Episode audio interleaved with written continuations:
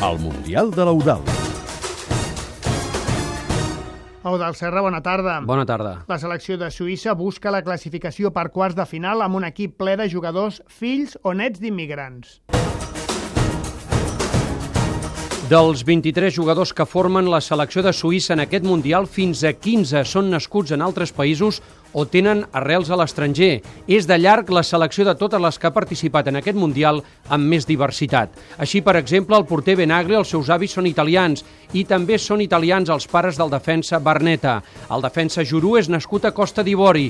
Filip Senderos és de pare espanyol i mare sèrbia. Begrami i Shakiri són nascuts a Kosovo. Zemali Mehmedi a Macedònia.